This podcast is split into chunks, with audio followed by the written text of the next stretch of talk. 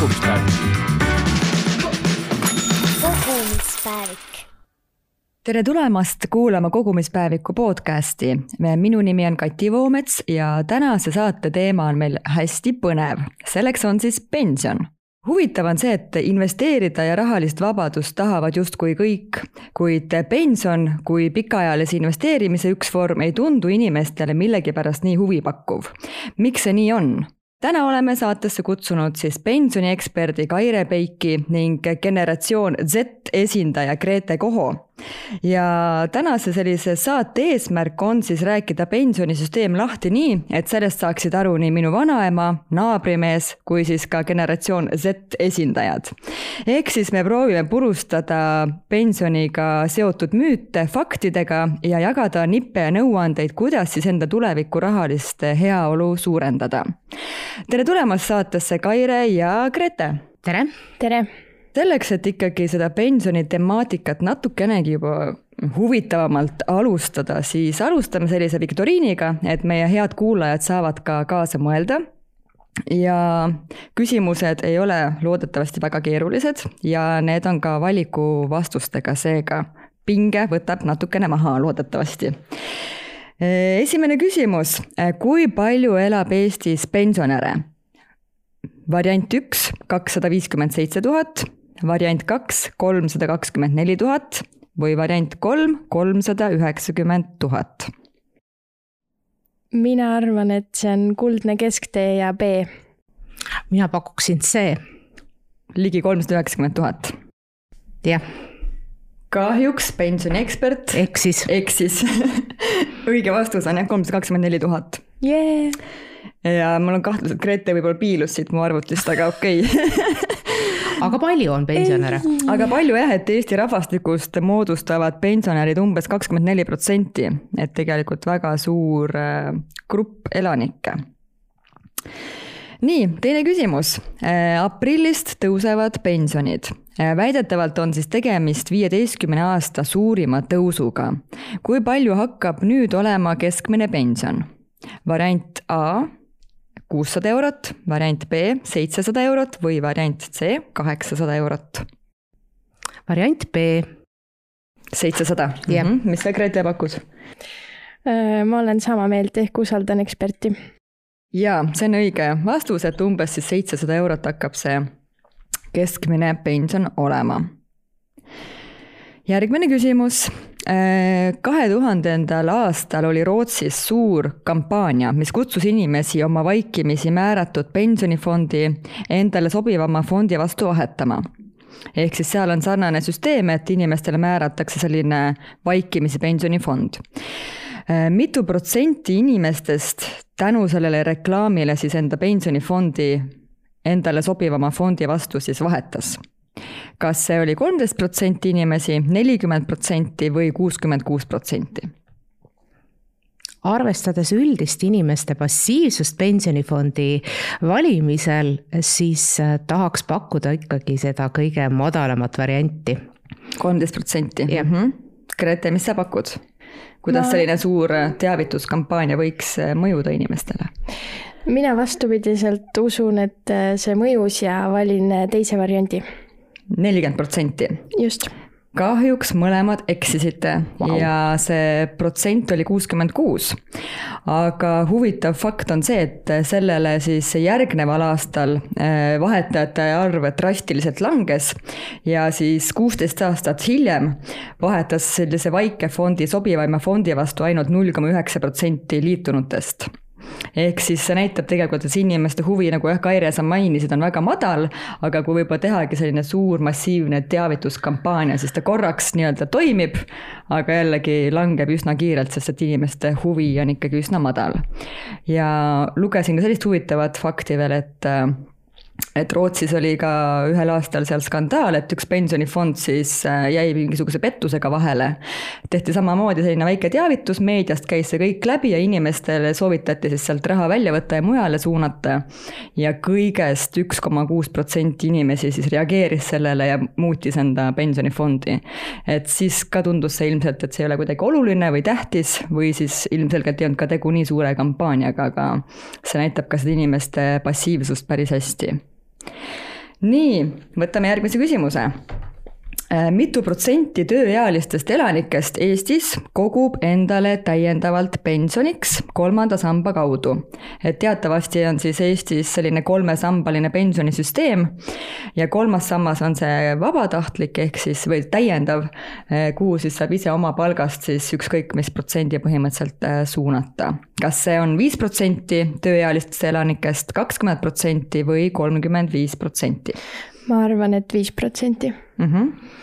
Mm, kolmanda samba teinud, ma pakun, on arvestades, kui palju on kolmanda sambaga liitunuid, kui palju on tööealisi elanikke, siis ma tahaks olla veidi positiivsem ja pakkuda kakskümmend protsenti just nimelt et, et kakskümmend protsenti elanikest siis kogub siis täiendavalt sellele kolmanda samba kaudu küll aga need summad, ma saan aru, et ei ole võib-olla nii suured, et ma tean et, et viisteist protsenti nii-öelda võib sinna panna selleks, et riik tagastaks sulle siis selle pealt tulumaksu, aga minu teada see keskmine summa on vist kas kolm jääb ikka kolme-nelja protsendi vahele, nii et, et sellepärast ma oma seda. vastuses ka tegelikult juba natuke vihjasin sellele.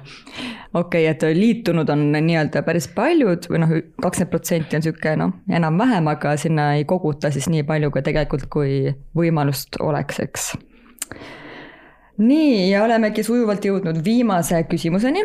seni on teil väga hästi läinud ehm, millises Euroopa Liidu riigis on kuuekümne viie kuni seitsmekümne nelja aastaste tööhõive kõige suurem?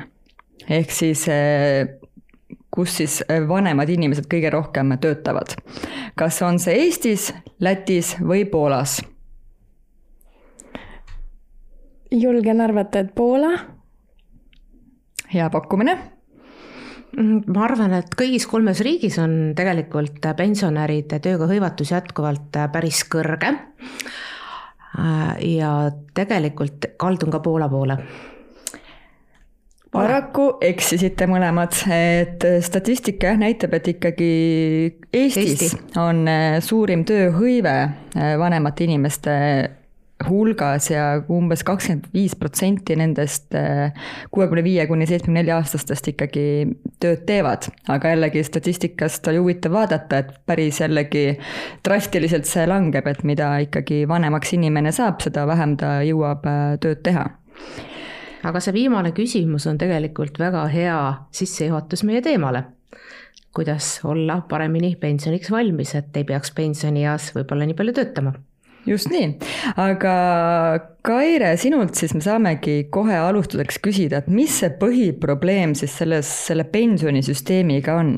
et, äh, et siit võib-olla viktoriinist ka mingisugused probleemid juba tulid välja, aga sina oled pensionivaldkonnas töötanud üks seitseteist aastat umbes, et sa äh, oled ja, läbi ja lõhki, läbi ja lõhki äh, ekspert selles valdkonnas ja ma arvan, et sa oled ainuke inimene, keda ma olen näinud nii särasilmil pensionist rääkimas, nii et et mis sinu arvates, mis sa näed, mis need põhiprobleemid on või kitsaskohad? põhiprobleem tegelikult äh, on ühe sõna taga raha, süsteemis on vähe raha, äh, pensionid on väiksed, ilmselgelt on see täna ka põhjus, miks äh, pensioniealised ikkagi katsuvad nii kaua äh, töötada kui vähegi võimalik. ja, ja noh, kui me vaatame, kui palju suur on täna keskmine pension, ta nüüd aprillist tõuseb seitsmesaja euroni, aga kui me mõtleme, kas me saaksime näiteks aprillist ise hakkama seitsmesaja euroga ei. suhteliselt keeruline, ma ütleks mm. -hmm.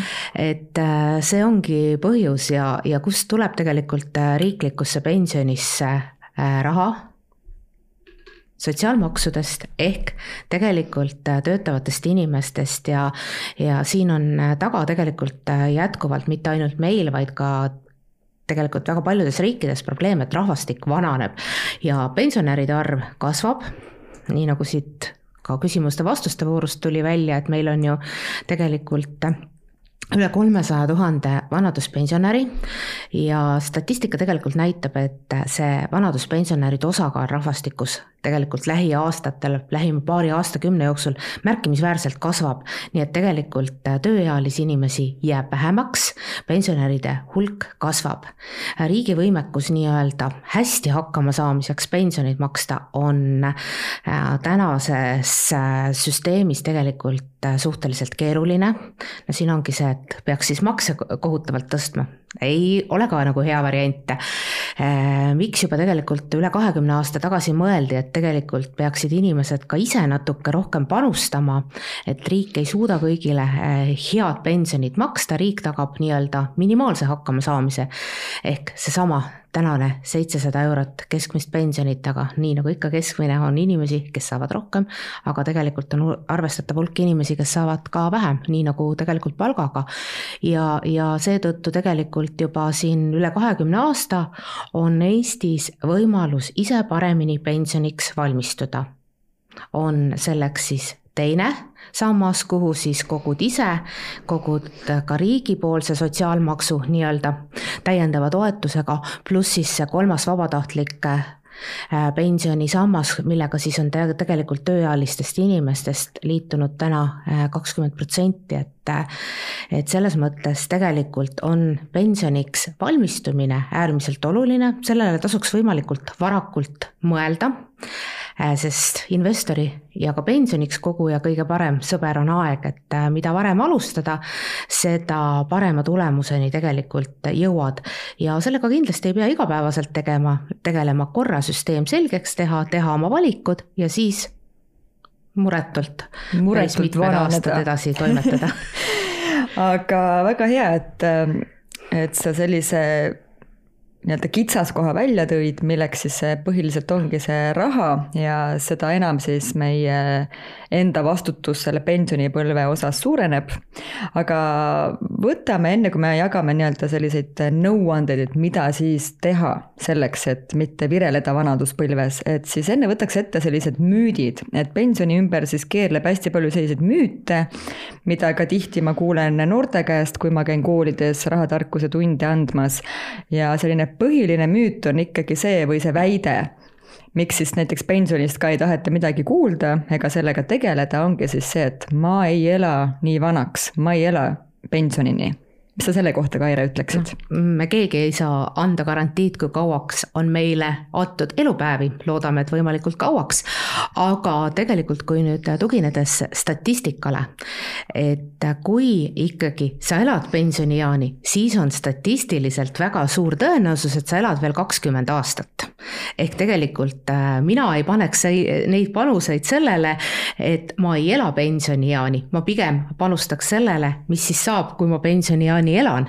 et, et see on kindlasti see, millele tasub mõelda ja, ja kuigi äh, me kunagi jah, ei tea ette, mis, mis, mis võib saada, aga tegelikult ise pensioniks valmistudes, ise pensioniks investeerides, kui peakski juhtuma see, et mul ei õnnestu pensionieani välja vedada, siis tegelikult see vara, mis ma pensioniks kogun, on päritav nii et mina sellepärast ei muretseks, ma muretseks, kuidas pensionärina paremini hakkama saada mm. -hmm siis teine selline levinud müüt on just sellise teise samba kohta, et äh, arvatakse, et, et see teine sammas on siis kuidagi riigi raha või panga raha, et see ei ole, see ei ole üldsegi minu isiklik vara ja seetõttu siis äh, noh, mul ei olegi huvi siis äh, vaadata, et kus, kus see raha siis täpselt koguneb või mis sellest, mis, mis sellest saab. et sa seda pärandamise teemat juba siin mainisid, vastuargumendina nii-öelda, et tegelikult see on ikkagi inimese enda vara, see on päritav, mis sa veel ütleksid? sellest hetkest, kui see teise samba raha, see, mis läheb minu palgast, mida tööandja siis kinni peab. Ja see, mis tuleb riigi nelja protsendina juurde, sellest hetkest, kui see jõuab minu pensionikontole, kas siis pensionifondi või äh, äh, mõningatel juhtudel aktiivsematel investoritel ka pensioni investeerimiskontole, sellest hetkest alates on see minu isiklik vara. Vot, purustame siis need müüdid siin faktidega kõik. Siis äh, minu arust, mis müüt siis ikkagi veel ka ringleb, on võib-olla see, et arvataksegi, et selline see riiklik pension on piisav. et äh, siin me juba mainisime, et nüüd siis aprillist alates see keskmine pension siis äh, tõuseb, et hakkab olema umbes seitsesada eurot. mis ta on umbes tulevikus, kas seitsesada eurot äh, tulevikus võikski olla piisav?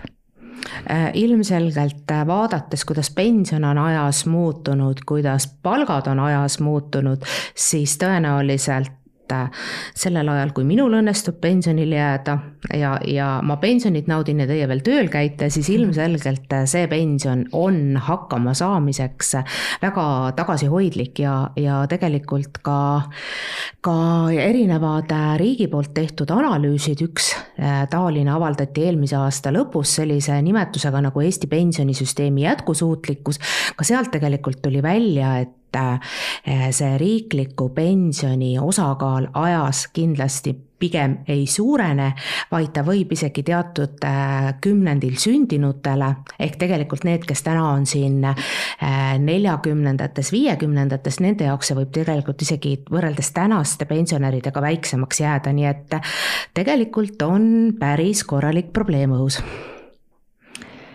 Nii, ja siis järgmine Äh, müüt, mis siin ka ütleme paar aastat tagasi oli väga-väga äh, levinud, ongi siis see, et äh, pensionifondis raha lihtsalt põleb. Hmm.. kas ta põleb seal, Kaire, mis sa näed seal pangas?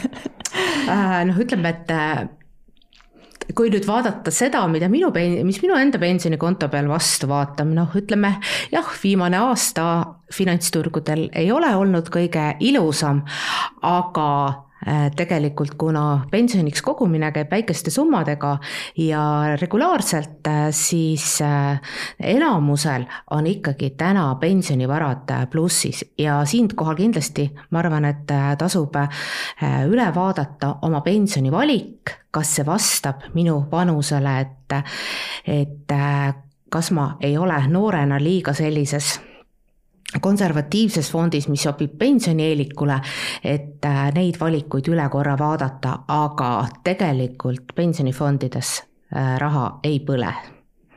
Et raha ikkagi investeeritakse finantsturgudele ja, ja seal on pigem vaja silmas pidada pikaajalist vaadet, lühiajaliselt muidugi on kõikumisi ja see on normaalne, aga jah, selles mõttes seal raha ei, ei põle.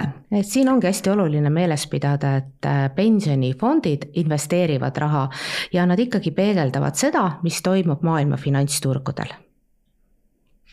nii, ja viimane müüt mille siis proovime koos Kairega purustada, on siis see, et vanavanemad kogusid, aga midagi ei jäänud alles ja see on see müüt, mida ma oma pangas töötamise aja jooksul regulaarselt jätkuvalt kuulen, aga siin tuleb meeles pidada, mis on täna pensioniks kogumine. Pensioniks kogumine on investeerimine väärtpaberitesse, aga see, millest äh, vanavanemad ja vana, vanemad räägivad, on see, et äh, raha hoiustati ja noh, loomulikult siin on olnud erinevad rahareformid, kroonile üleminek ja kõik muu selline, aga kõige olulisem on ikkagi teadvustada, et see, mida vanavanemad räägivad, et oli ühel õhtul oli kümme tuhat, järgmisel hommikul oli tuhat, see on ikkagi pigem hoiustamise teema, mitte investeeringu teema, et äh, siin ma kindlasti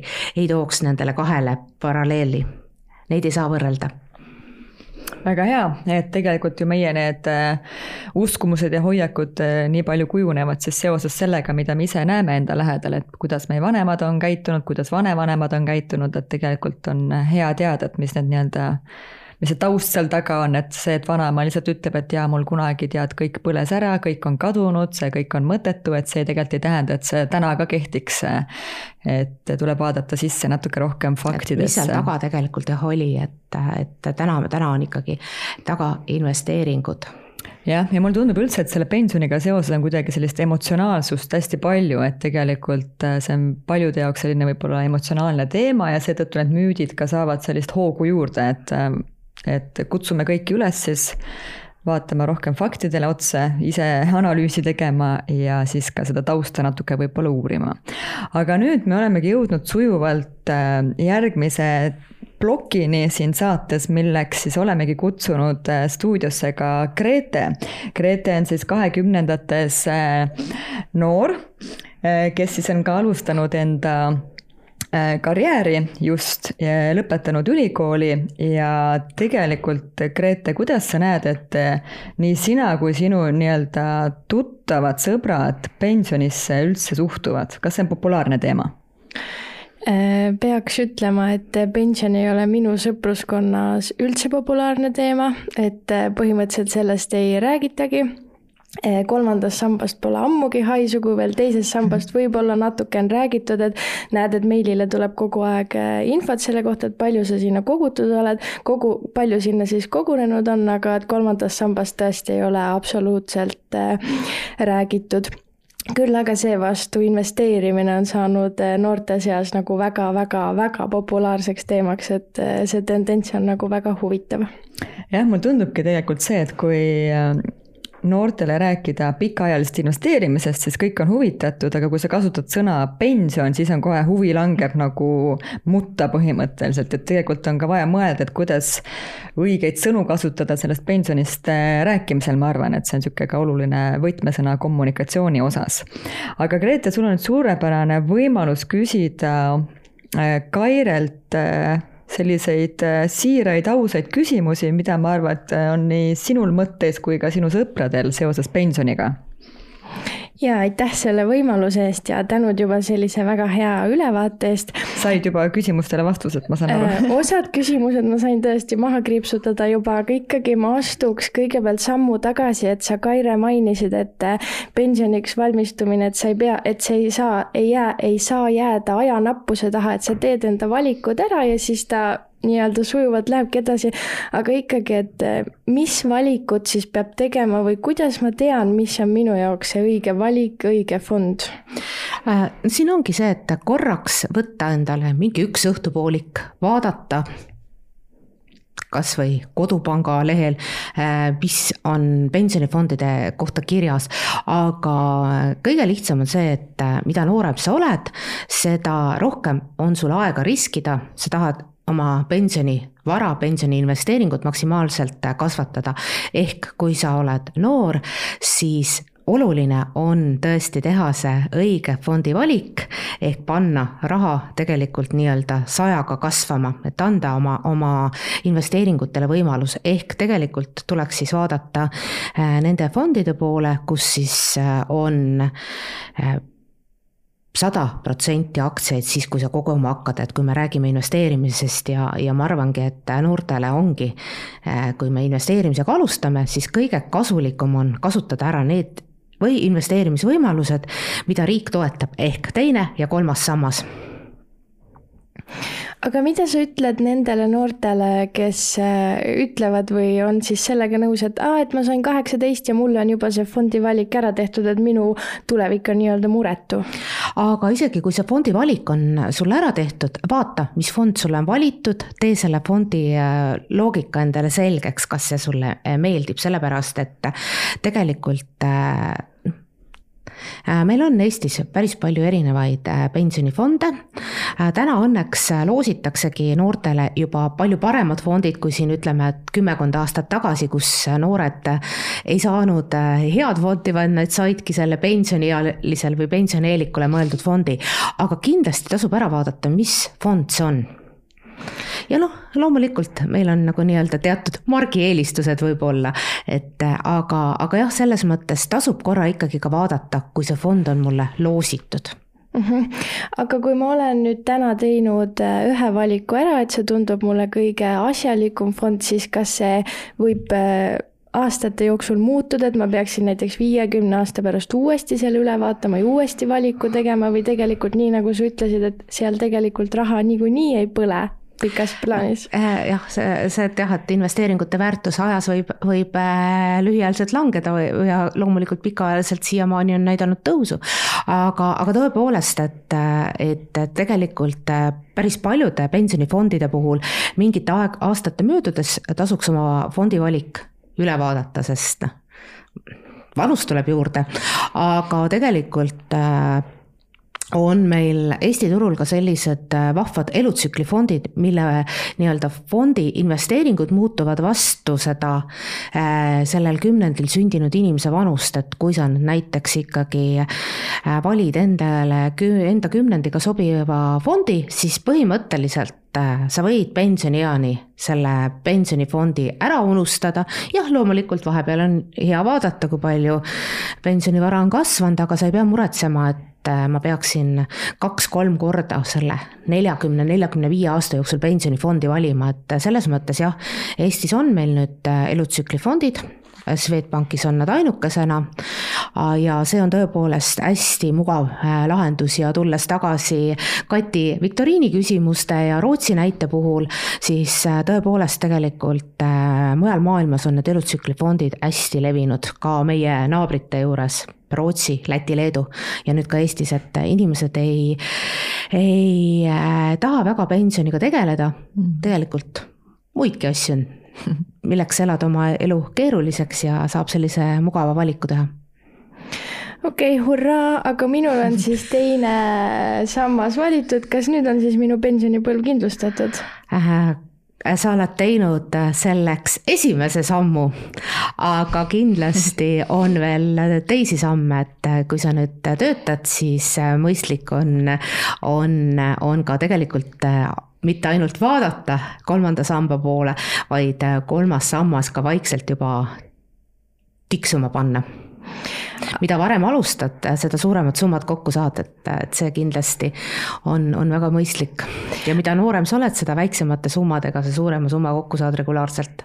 aga kas ma saan siis õigesti aru, et meedias on ka läbi käinud eh, see mõte või nagu see nii-öelda mõttekäik, et kolmas sammas ongi mõeldud pigem nagu töötavatele inimestele, et kas siis need noored, kes veel ei tööta, on sellised tudengi, tudengiealised, kas nemad siis ei peakski kolmandat sammast hetkel tegema äh,, enne kui nad ei ole töölepingut nii-öelda sõlminud? Äh, võib teha, aga kolmanda samba kõige suurem eelis äh, kõik on see, et kui sul on Eestis tulumaksuga maksustatud tulu, ehk sa sisuliselt hästi lihtsalt öeldes töötad, siis on sul võimalus kolmanda samba sissemaksetelt saada tulumaksu tagasi. praegu me oleme paljud juba tuludeklaratsiooni esitanud ja kellel on kolmas sammas, need on ilmselgelt juba hakanud ka tulumaksu riigilt tagasi saama. ehk tegelikult jah Äh, kolmandasse sambasse saab küll alati koguda, aga kõige mõistlikum on ikkagi teha seda siis, kui saad seda head tulumaksusoodustust kasutada.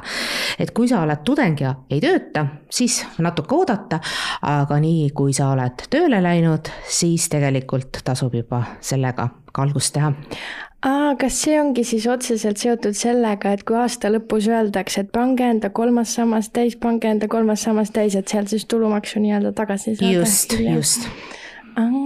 Okei okay, väga hea teada aga. ehk sa saad kuni viisteist protsenti oma aastasest brutosissetulekust panna kolmandasse sambasse, nii et siis deklaratsiooni esitades, kus on andmed juba ilusti peale kantud, saad selle tulumaksu tagasi ja noh, ülempiiriks on kuus tuhat eurot, aga aga ütleme, et see on, on see, kuhu, kuhu väga paljud veel hetkel ei jõua, aga, aga tõepoolest äh, nii-öelda maksude optimeerimiseks ideaalne lahendus, pluss siis tõesti ka pikemas perspektiivis omale äh, lisa äh, investeeringutega tuleviku kindlustamine. ehk ütleme, et tulumaks on nii-öelda lühiajaline kasu, aga see pikaajaline investeerimine on tegelikult see põhi, põhikomm, mis selle asja juures on aga mainisid, et esimene samm on äh, see teine pensionisammas, teine samm, samm siis kolmas pensionisammas, et kas ma saan midagi veel teha?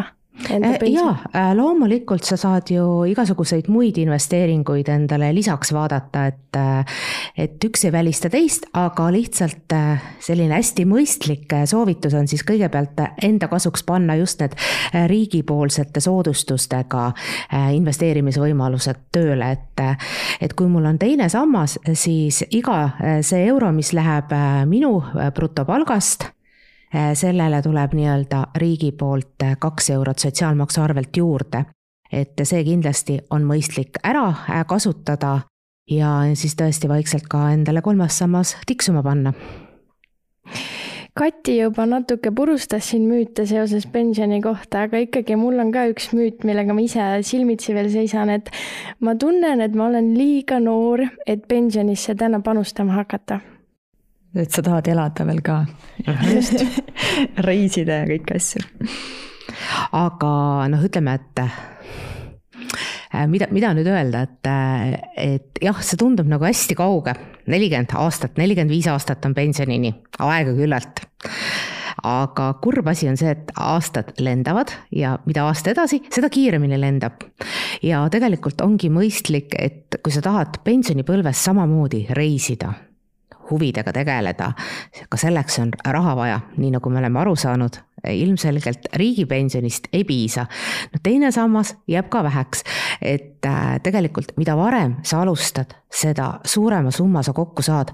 ehk seetõttu tõepoolest äh, tasub äh, võimalikult varakult alustada ja, ja noh teise sambasse tegelikult läheb kaks protsenti brutosissetulekust, mis läheb kõik, enne kõiki makse, et tegelikult sinu palgast läheb ainult äh, üks koma kuus protsenti täna. kuigi alates kahe tuhande kahekümne viiendast aastast, kuna süsteemis on vähe raha, saab enda sissemakseid teise sambasse suurendada. ja noh, ütleme, et see mõnikümmend eurot, mis kolmandasse sambasse võib-olla on ka võimalik panna, kas see muudab sinu elu täna või ei muuda? valikute küsimus jah, et sa ei pea sinna kohe hakkama suuri summasid panustama, et ma arvan, et see märksõna ongi, et mida noorem sa oled, eh, seda väiksemate summadega tegelikult sa saad alustada, et sul on rohkem aega lihtsalt koguda, et mida hiljem sa alustad, siis on see, et juba pensioniiga hakkab siin kopule, koputama uksele vaikselt, et siis pead summad äh,. me oleme teinud siin arvutusi, et kui tahaks kuuekümne viiendaks eluaastaks saada sada tuhat eurot kokku, siis äh, alustades kahekümnendates, iga kuu panustades alla neljakümne euro, väga vabalt saavutatav. kui sa seal viis-kuus aastat mõtled, siis sa pead selle igakuise panuse kahega korrutama ja nii iga kümnendiga põhimõtteliselt korrutama kahega, et noh, ma ütlengi, et kui sa siin täna mõnekümne euroga alustad, siis sa võid tõesti neljakümne, neljakümne viie aastaga ikka päris korraliku summa endale äh, pensionikontole saada ja väga innustav. ja teine mõte, mis mul veel seoses müütidega tekkis, oli see, et, et meie ei saagi pensionile jääda, minu vanused ei saagi pensionile jääda ja nemad ei saagi kunagi pensionit. noh, tuleme siin tagasi algusesse, kus, et ei ela pensionieani. Äh, pensioniiga on tõstetud. Äh, ja see on seotud tegelikult äh, inimese keskmise elueaga.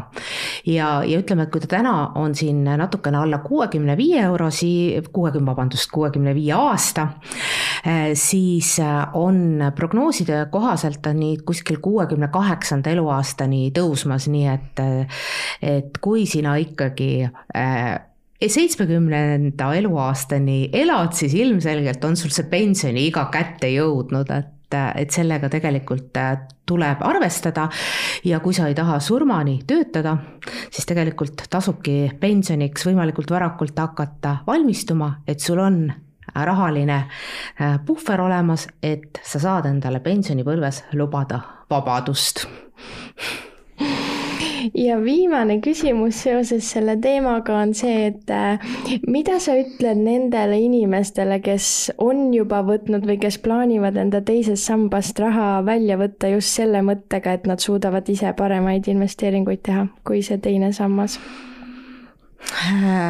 Äh, teisest sambast raha väljavõtmine enne pensionile jäämist, pensioniiga peaks kindlasti olema väga suurelt äh, läbimõeldud, sellepärast et tegelikult see ikkagi äh, võib mõjutada pensioniea sissetulekut päris märkimisväärselt. Äh, ise investeerides on võimalik täna ka teisest sambast lahkumata seda teha, sest sellepärast, et juba teist aastat on võimalus kasutada teises sambas pensioni investeerimiskontot, kuhu osta siis selliseid väärtpabereid, mida ma ise tahan ehk tegelikult nii-öelda pensionifondi juht, juhi roll üle võtta. ehk selles suhtes äh, äh, teisest sambast raha väljavõtmine, kõigepealt nii-öelda kaotad sa kakskümmend protsenti tulumaksu kogu kogutult summalt, äh, jätad ennast pensionieas väiksema sissetuleku peale, pluss see, et kui sa tahad edasi investeerida, siis kogu raha tuleb ju sinult, täna sa saad ka riigilt äh, investeerimiseks juurde, nii et äh, kui sa tahad investeerida ja, ja nii-öelda arvad, et saad hakkama paremini kui pensionifondid, kui sa oled vaadanud, milliseid tulemusi pensionifondid pakuvad ja tahad ikka paremini või teistmoodi investeerida, siis ära lahku teisest sambast, vaid hakka ise investeerima teise samba süsteemis. ehk siis sellega sa justkui paned ühe ukse enda järel kinni? jah okei okay,, aga minu poolt on see kõik väga palju ta, väga palju head ja kasulikku infot mulle noorena ja täna kohe lähen vaatan enda fondi üle. sa võid alati minu käest küsida, kui hätta jääd väga hea, aitäh. kontaktid on olemas nüüd, aga kui mina veel olen koolides käinud noortele rahatarkusest rääkimas, siis noori hästi kõnetab see investeerimise teema küll, aga tihti ikkagi huvitab selline krüptoga seonduv ja aktsiatega seonduv. et see kolmanda samba pensionifond, teise samba pensionifond, need nimetused juba ei ole üldse atraktiivsed noortele. ja mis mina arvan, et mis seal taga võib olla, on ka see, et tegelikult ei saada aru, et äh, mis see täpselt äh, on, punkt üks on ja punkt kaks ongi see, et tegemist ongi investeerimisfondiga mis tähendab siis omakorda seda, et samamoodi investeeritud, investeeritakse aktsiatesse, võlakirjadesse üle maailma.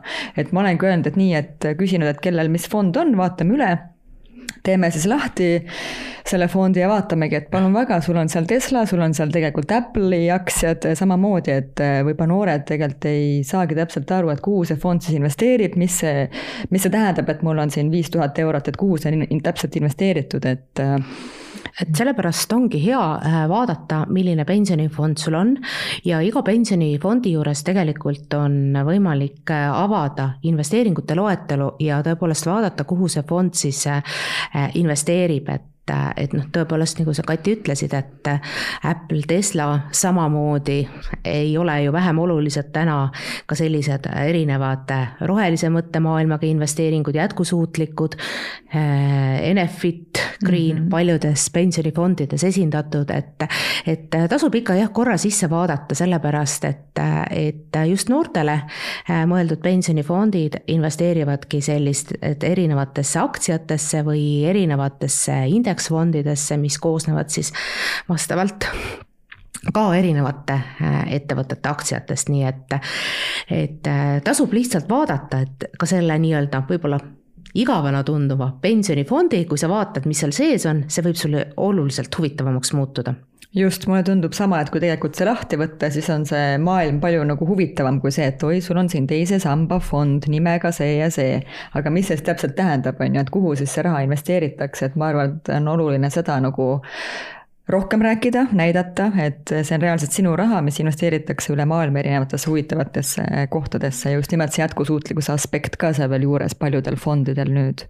see on minu arust ka see, mis tegelikult noori täna võib-olla kõnetab rohkem kui, kui nende vanemaidki, et et ja noh, ütleme, et noortel ongi huvi jätkusuutlikkuse vastu täiesti mõistlikult suurem, sellepärast et tahad ju elada ka pensionieas elada sellises võimalikult puhtas maailmas jah, täpselt.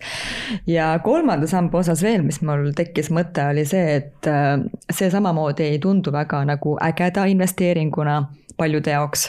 aga see samamoodi on ju tegele-, tegemist investeerimisfondiga ja samamoodi tasub ju vaadata, et kuhu see täpselt äh, investeerib ja ja tegelikult see paindlikkuse osa samamoodi, et võib-olla paljudele jääb see mulje, et see on samamoodi ainult kasutatav pensionipõlves, et tegelikult sealt saad ju ka varem raha välja võtta, sa saad osaliselt raha välja võtta, et tegelikult see on ikkagi sinu, sinu raha. lihtsalt siin on see eelis juures, et riik siis tagastab sulle seda tulumaksu ja kui sa võtad raha varem välja, siis sa pead selle lihtsalt riigile tagasi maksma. tulumaks peetakse kinni. täpselt, aga see ikkagi on sul võimalus vajadusel sealt raha ka välja võtta, et see ei ole nii-öelda mingi kinnine fond, mida sa saad alles kasutada seal seitsmekümne aastasena näiteks. ja noh, kolmanda samba puhul ongi see, et noh, tuleb keerulisem aeg, ma olen teinud püsikorralduse, ma saan selle püsikorralduse äh, lühikeseks ajaks ka nii-öelda lõpetada, ma saan summat väiksemaks teha, et äh, sellist paindlikkust on kolmandas sambas tegelikult päris, päris palju.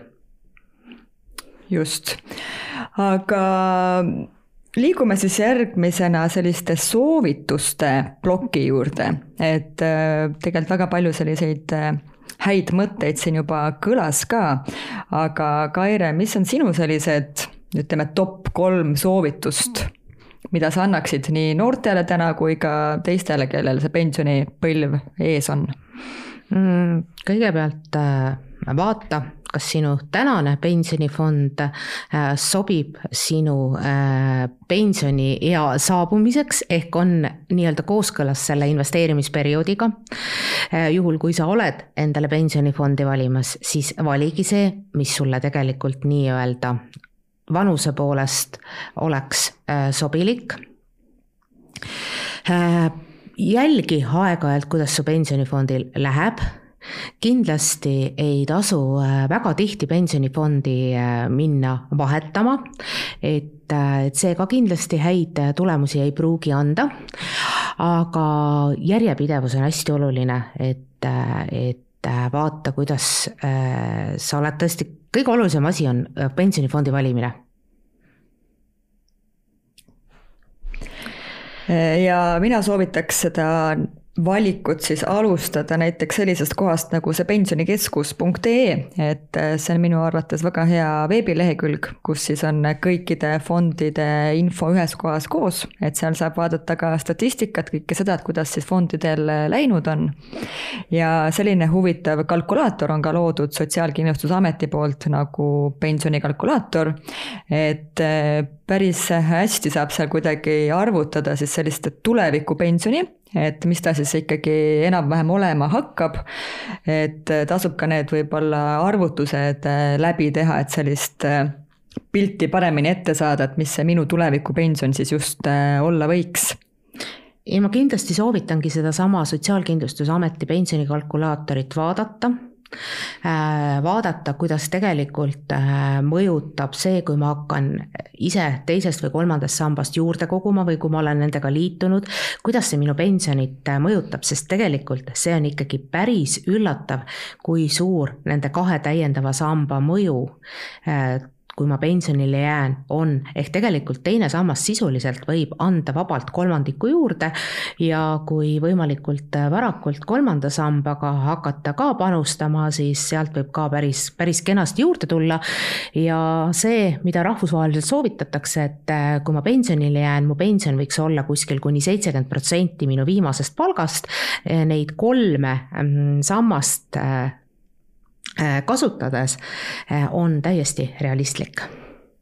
Ehk noortel on kõik need võimalused täiesti olemas ja, ja ei ole vaja üldse muretseda, lihtsalt tuleb tegutseda. nii et Grete, pärast saadet siis teeme sulle kohe ühe kolmanda samba fondi ka ära. Just. Äh, mida mina näiteks oma koolitustel veel annan sellise mõtteharjutusena, on see, et lasen inimestel joonistada iseennast pensionärina ja pannagi kirja mõtted, et kus ma siis näiteks elan, mis ma siis igapäevaselt teen, mis on minu mõtted, mis on minu unistused. et olengi Kati, kuuekümne kaheksa aastane, kus ma siis tahaks elada sellel ajal. ma ei tea, tahad käia kinos, kontsertil, mis on sellised tegevused, mis silma särama panevad. ja siis mõeldagi, et, et et mida ma saan siis juba täna teha selleks, et see elu mul oleks ka selline, nagu ma endale ette kujutan. et väga suur probleem on ju ka see, et me ei suuda siis ette kujutada seda tulevikku mina, et kõige äh, olulisemad asjad on alati, mis meil ikkagi toimuvad tulevikus, et kui meil ongi vaja nagu võrrelda, et kas ma ostan täna kontserdipiletid, mis maksavad sada eurot või siis ma panen see sada eurot näiteks kolmandasse sambasse et ma saaksin tulevikus osta endale ravimid, mis maksavad sada eurot. et see on nagu väga niisugune keeruline balansseerimine nii-öelda oleviku mina ja tuleviku mina vahel. et see on niisugune pigev, pidev nii-öelda võitlus, ma arvan. aga mida nii-öelda reaalsem see pilt on, et nii, Kati kuuskümmend kaheksa seal, seal, seal elab, tahab seda teha, et seda lihtsam võib-olla on mul ka seda tuleviku jaoks ikkagi veidi raha juba täna kõrvale panna ehk kõige ideaalsem oleks, kui tänane Kati saaks kontserdile ja Kati saaks tuleviku Kati jaoks ka sada eurot kõrvale panna iga kuu kolmanda samba sissemaksena näiteks. just et selline ela täna ja mõtle tulevikule. just, just et see on hea soovitus äh, ka kindlasti ja siis selline, ma arvan, äh, üks soovitus on ka niisugune võib-olla individuaalne nõustamine. Et äh, ma tean, et äh, Sotsiaalkindlustusamet äh, pakub seda pensioninõustamist, pangad pakuvad seda pensioninõustamist, mitte küll võib-olla seda kaubanduskeskuse varianti eelistada, aga ikkagi nagu minna kohale või telefoni teel võttagi keegi nii-öelda ekspert korraks kõrvale ja miks mitte, et siis vaadata see enda pensioniseis üle, teha siis see valik ära ja nagu sa enne ka mainisid, et seda ei pea üldsegi tegema väga tihti, on ju, et kui sa validki selle, teed mingi vaikimisi valikud ära siis ongi elu nii-öelda muretu, et minul on samamoodi, teise samba vaatasin siin üle paar aastat tagasi, rohkem pole näinud vajadust seda muuta, kolmas sammas mul samamoodi juba mitmeid aastaid äh, püsikorraldusega nii-öelda see raha sinna tiksub märkamatult. et äh, tegelikult ei vaja see üldse sellist tihedat äh, ülevaatust või sihukest ajakulu nii-öelda. Grete, mis sina sellise noorena siis oma oma sõpradele soovitaksid kogu selle jutu peale siin?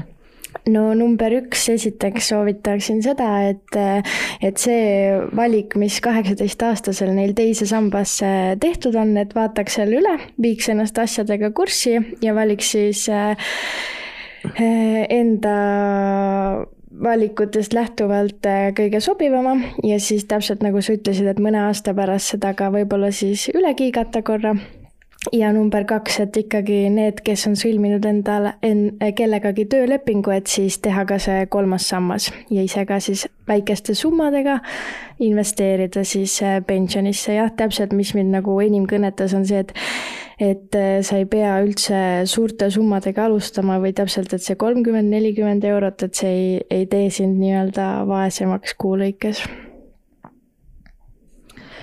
Äh, Kaire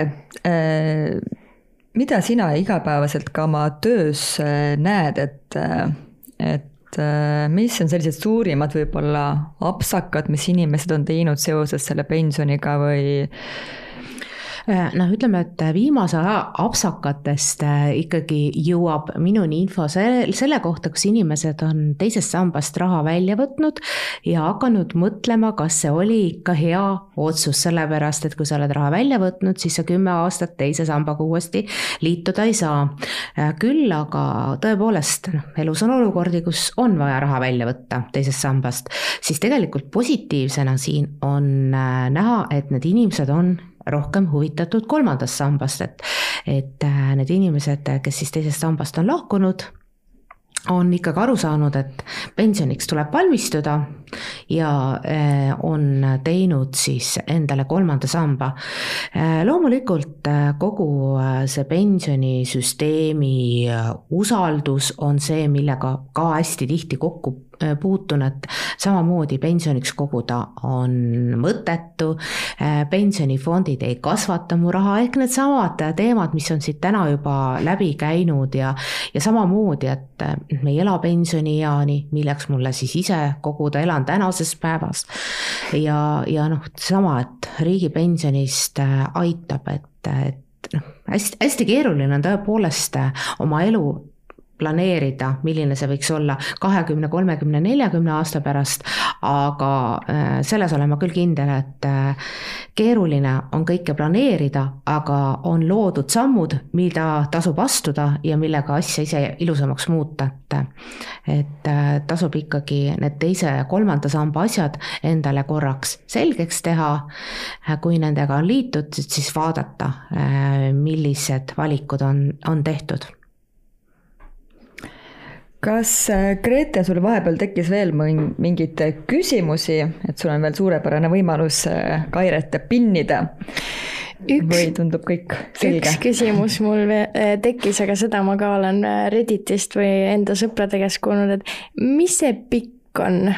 pensioni investeerimiskonto ehk see ongi see võimalus, kus nüüd äh, alates üle-eelmise aasta sügisest saavad inimesed teise samba süsteemis ise investeerida.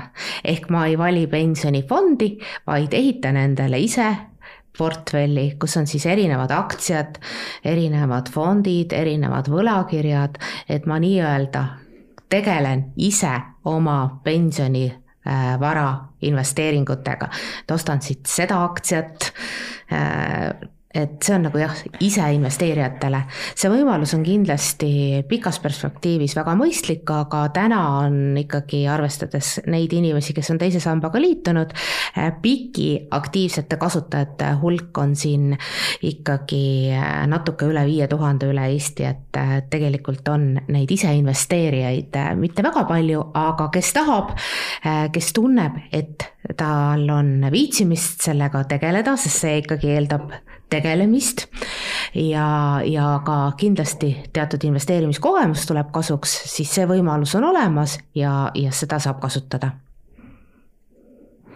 siis rohkem hetkel küsimusi pole Kaire, kas sina saate lõppu tahaksid veel mingeid tarkuseterasid äh, lisada või, või saime kõik teemad äh, kaetud? Äh, suurelt said kõik teemad kaetud, aga ma soovitaks tõesti kõigil korraks vaadata, mis neil pensioniks on tehtud. Ja, ja mitte karta siis spetsialisti käest nõu küsida, et võtta telefon, helistada kas või näiteks oma kodupanka. Ja ma arvan, et ega meil, Kati, sinuga jätkub see pensioniteadlikkuse kasvatamise töö päris pikaks ajaks veel. Jah, et paraku see teadlikkus on hästi madal, et ma mäletan, et enne seda pensionireformi mis aasta see siis oli nüüd, kaks tuhat? see oli juba üle kaks aastat tagasi. jah, täpselt, et ma tegin ka ühe uuringu Eesti elanikkonna seas äh, uuringufirma abiga ja üks küsimus oligi siis selle kohta, et äh, noh, üks argument, miks siis seda pensionireformi siis tehti, oli see, et need pensionifondide tasud on hästi kõrged. Äh, siis ma tegingi küsitluse, et pakkuge, et inimesed, et kui palju umbes on sinu pensionifondi see haldustasu? ma ja mäletan seda uuringut. just, et sealt tuli ka välja, et ikkagi arvati, et viis ja kuus protsenti ja seitse protsenti, et tegelikult ongi see teadlikkus on ikkagi ülimadal, et kui sulle kuskilt keegi midagi ütleb, et oi, pensionifondis raha põleb või et oi, need tasud on röövelikud, siis päriselt mine korraks vaata ise mm -hmm. järgi, mis see tasu on, kas see raha seal põleb või kus see raha on investeeritud, et et lihtne on nagu loosungite õnge minna Äh, aga nii-öelda jah, keerulisem on siis seda kodutööd natukene võib-olla ise teha, aga sellepärast ongi seda teadlikkust vaja tõsta, ma arvan, selliste podcast'ide ja erinevate formaatide kaudu. Just, sest tegelikult äh, tulles nagu tagasi, Eesti pensionisüsteem on ikkagi suhteliselt noor, napilt selline kahekümneaastane ja, ja tegelikult äh, ka teise samba fondid on selle kahekümne aasta jooksul väga palju arenenud ja just investori vaates paremaks läinud, et kunagi olid siin teatud tasud, mida enam ei ole, igast raha paigutusest fondi võeti tasu, kui sa tahtsid fondist välja tulla, maksid tasu. ka nii-öelda need jooksvad kulud, mis pensionifondidega seotud olid, olid oluliselt kõrgemad, et täna tegelikult ja ka investeerimisvõimalused olid seadustega oluliselt rohkem piiratud kui täna, ehk tegelikult jah, kahe tuhandendate keskpaigas eh, pensioni eh, teise samba fondid ei andnud nii head tootlust, kui nad nüüd siin viimastel aastatel on andnud, aga seda põhjustel olid, olid investeerimispiirangud. Neid on äh, aastate jooksul paremaks muudetud ja võiks täna öelda, et tegelikult täna on Eestis juba päris head fondid ja väga mõistlike tasudega just, nii et äh, üleskutse siis äh, minu poolt ka siia saate lõppu, et äh, vaadake üle, et kuidas, kuidas te ikkagi valmistute enda pensionipõlveks, et isegi kui see tundub üüratult kaugel olevat, siis tegelikult kas või praegu võta see, võtta see pool päeva, nagu Kaire ütles, et võtadki korraks need asjad ette, vaatad üle enda fondid, teed vajalikud nii-öelda püsikorraldused võib-olla ära, kolmandasse sambasse avad võib-olla üldse kolmanda samba, kui sul seda veel tehtud ei ole. ja teedki nii-öelda mingid valikud juba täna ära, selleks et siis tulevikus see kuuekümne kaheksa aastane Kati saaks ka vahepeal võib-olla reisil käia ja kontsertil aga mina tänan teid äh, väga asjaliku vestluse eest, sain ka ise häid mõtteid, äh, mida kaasa noppida ja, ja kõik äh, kogumispäeviku liikmed, kes meid kuulavad, siis teadlikke investeerimisotsuseid ja kohtume juba järgmises saates. aitäh! aitäh! kogumispäev. kogumispäev. kogumispäev.